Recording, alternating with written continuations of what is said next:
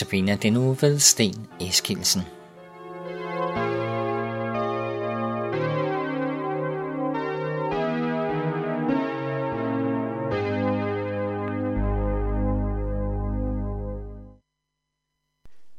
Vi har i de seneste dage hørt forskellige beretninger, set forskellige glimt af Jesus og glimt og beretninger om møder med Jesus, alle sammen fra Bibelen.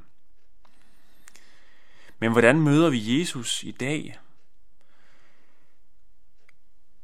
Jo, det er godt at have et forhold til Jesus. Det er godt at have Jesus i sit hjerte, og det er det, vi har hørt om de seneste dage.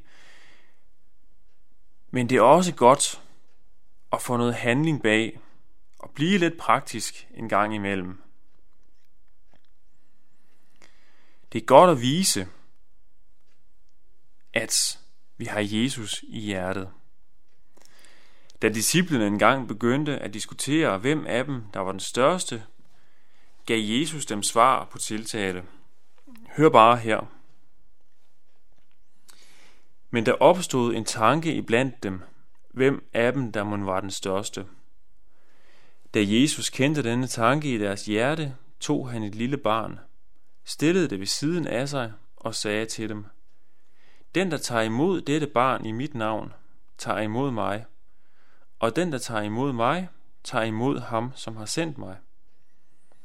For den, der er mindst blandt jer alle, han er stor. Hvem er den største? Og hvad betyder det at være den største? Ja, fysisk set og i anerkendelse var det i hvert fald ikke det lille barn, der var størst. Set med menneskelige øjne altså. Men hvordan ser Gud på det? Barnet havde ikke nogen stor betydning i Jesus samtid. Og der var der heller ikke meget en anerkendelse i at gøre noget for et barn. Og det galt ikke bare børnene. Det galt så mange af de andre, der var små, svage, udstødte, de hjælpeløse. Der var ingen anerkendelse i at gøre noget for dem. Men en konge, kunne man tjene en konge, ja, så var man noget. Det gav anerkendelse. Så måtte man da være den største.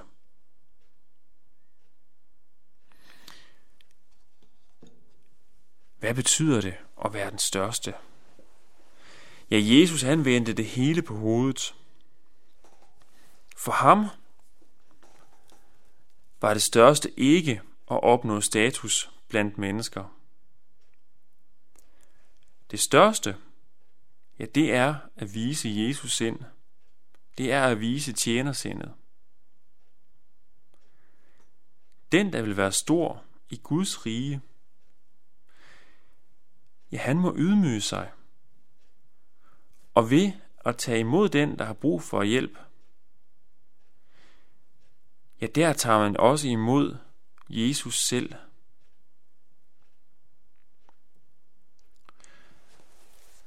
I dag er der måske ikke så meget ydmygelse i at tage imod et lille barn. Men hvad med den hjemløse? Den psykisk syge? En kriminel? Hvad med dem, der er lidt anderledes end de fleste? Vi kunne sikkert nævne mange eksempler er der nogen anerkendelse i at tage imod dem?